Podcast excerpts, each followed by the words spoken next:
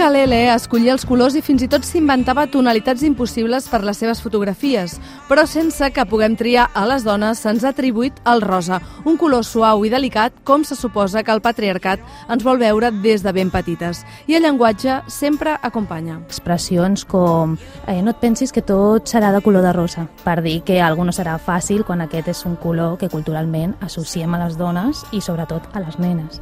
Ens ho explica Bàrbara Bayarri, filòsofa de l'estètica de l'art de la Universitat Autònoma de Barcelona. El costum cultural d'associar el rosa amb les noies i el blau amb els nois és un fenomen relativament modern, específicament dels voltants dels anys 40, com a estratègia de màrqueting per poder-nos vendre dues vegades el mateix producte, un per les nenes i l'altre pels nens.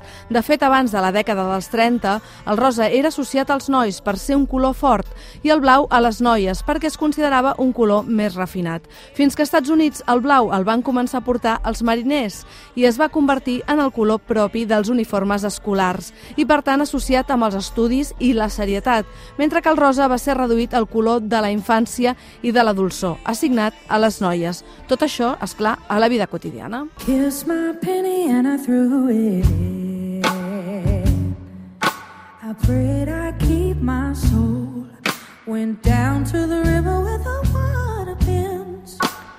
a la història de l'art a les dones se'ns ha mirat del color que li ha convingut als homes i per això divideix les dones en dos grans arquetips, les dones que ells volen i les que no volen. Que diem-ho de passada, aquestes últimes en moltes ocasions són les que desitgen. D'entre totes les dones volgudes, l'arquetip més conegut us el podeu imaginar. L'exemple per excel·lència és la Verge Maria, no? que normalment està representada almenys fins al segle XIV amb el blau, el vermell i el blanc. El blau eh, representa la puresa, el vermell la sang, l'amor, la joventut i el blanc la vida, eh, la llum, l'eternitat. També normalment se la pinta amb detalls en daurat no? que representen aquesta divinitat i que aquests colors suaus, no? pastel normalment, uns tons molt lluminosos, i, és clar, així, amb els mateixos colors, s'han pintat les dones respectables, com es pot veure a la història de l'art. Ens ho explica la Bàrbara Bayarri, filòsofa. Pel contrari, les dones no volgudes es representen sovint en aquests altres colors. El vermell o alguns tons més ocres, més d'aquesta expressió de, de força, però també d'agressivitat, de sexualitat, que sí, que normalment s'utilitzen per representar dones de mala vida, no? No només les de moral dubtosa, sinó també les pobres o d'extracció social baixa. Quan els colors foscos es troben pel camí al llenguatge, els colors són un adjectiu que reforça l'estereotip negatiu cap a la dona. Una vídua negra, per exemple, és una aranya, però també s'utilitza per parlar de la dona que ha matat el seu marit o marits. Quan un home ha perdut a diverses esposes, no hi ha cap titular així que utilitzem amb un color per referir-nos no, a que és gairebé potser el culpable. No? Podríem dir que aquest punt de vista parla de l'ús social del color pel que fa a les dones, però com s'ha utilitzat culturalment el color en l'art quan es tracta a la dona? Àngela Molina, crítica d'art del país, ens planteja un recorregut que comença a França. Recordeu el famós pintor francès Yves Klein? S'inventa el seu blau, el blau ultramar, el blau Klein, però el que és menys conegut és que va utilitzar el cos de les dones per fer-ho. Utiliza uh, modelos desnudas eh, extiende sobre el suelo una lámina blanca y coge a la mujer, las, las, coge por los brazos y las baña de su azul Klein, las reboza y hace cuadros uh, monocromos que llama antropometrías, donde eh, él, él, dice que la mujer es, es eh, su pincel. Entonces se utiliza a la mujer como un pincel. Per justificar-ho, segons Àngela Molina, el pintor francès deia que aquestes dones eren el pinzell viu, que és una manera molt fina i artística de dir que les dones existeixen per complir els seus designis. L'Àngela ens descobreix la resposta furibunda de les artistes dones de l'època.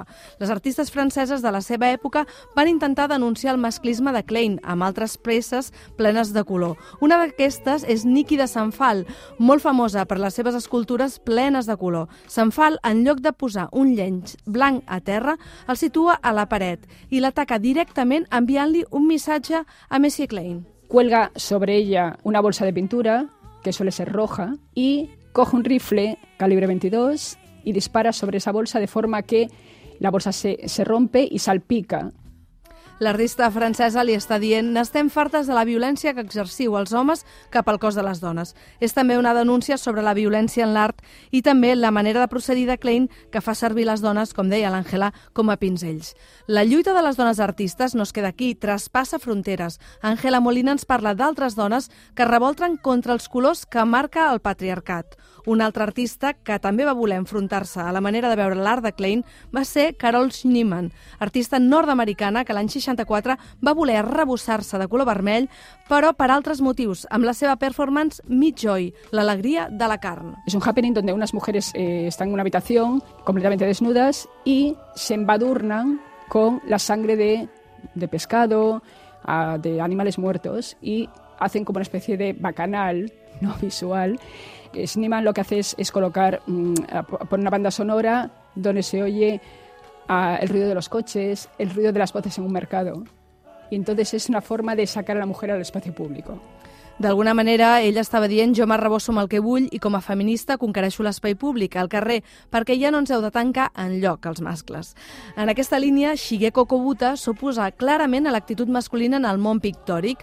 Si per Klein les dones són un pinzell viu, l'artista Koguta pintarà el terra amb la seva vagina. Y es una acción que ella, donde ella se coloca encima también de una lámina blanca y pinta sobre ella de color rojo, hace una pintura expresionista, pero la particularidad es que tiene el pincel entre las piernas. Entonces ahí es un ataque directísimo a Pollock, ¿no? Ella utiliza directamente el rojo, pues una, es una lectura también de la, del poder de la mujer. I de la menstruació, no? Exacto, Potser? exacto. Uh -huh.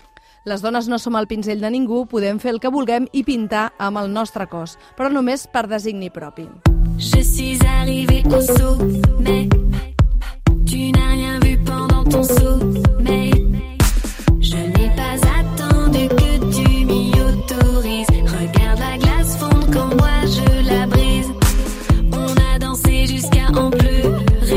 Fins ara hem parlat de les artistes que van fer servir el color com a armadura, però les dones ja pintem el món des de molt antic. És una cosa que té clara l'Àngela Molina, crítica d'art del país, perquè, de fet, ella en recorda un estudi recent de l'arqueòleg americà Diane Snow, que va demostrar que les pintures rupestres estaven fetes per dones. Va demostrar que per les mides de les mans, que eren la signatura normal a les coves, el 80% dels autors d'aquells dibuixos estaven fets absolutament per dones. Per què hi apareixen sempre tota aquella colla de bestiar i de gent cuinant i sent feliços? Perquè era el que elles desitjaven.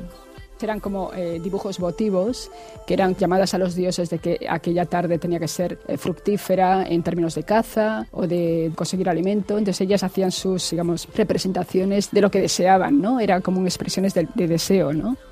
De les pintures rupestres als anys 70 va passar molt temps, tot i així la pintura i el color també s'han utilitzat per reivindicar el paper de la dona. L'artista Adrian Paper surt al carrer als anys 70 a Nova York amb una samarreta on posa wet paint, acabada de pintar, deixant clar que ella és una obra d'art en ella mateixa i al mateix temps que ningú ha de fer servir el seu cos per objectius artístics, que ella decideix com el vol fer servir. Ella está diciendo que es, está subvirtiendo la idea de musa y utilizando una proclama como decir, yo aquí estoy en el espacio público, soy una obra de arte viviente y, no sabemos de qué, color es, de qué color estoy pintada. ¿Tú cómo me ves? Porque ella juega siempre con la idea de que yo soy negra y tiene una apariencia blanca, ¿no? Això últim que explica l'Àngela Molina és perquè, tot i que els seus pares eren de raça negra, Adrian Piper tenia un rostre força blanc i jugava amb aquesta ambigüitat durant tota la seva obra.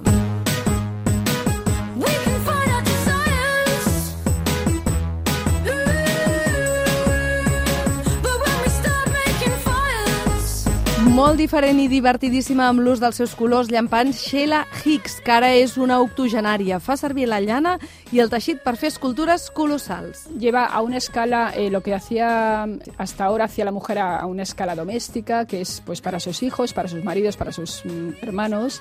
Ella eh, lo lleva a una escala, am, digamos, social o hasta ahora entendida como masculina. Sheila Hicks està fent un homenatge a la dona que fa mitja des de casa per dir-li que res t'aturi, pots sortir al carrer i fer que el món sigui a la teva mida. També metafòrica, l'Àngela Molina ens recorda l'artista Pipilotti Rist, que en els vídeos ens transporta a una espècie de felicitat intrauterina plena de colors meravellosos. Mezcla muchos colores, son, eh, son colores muy...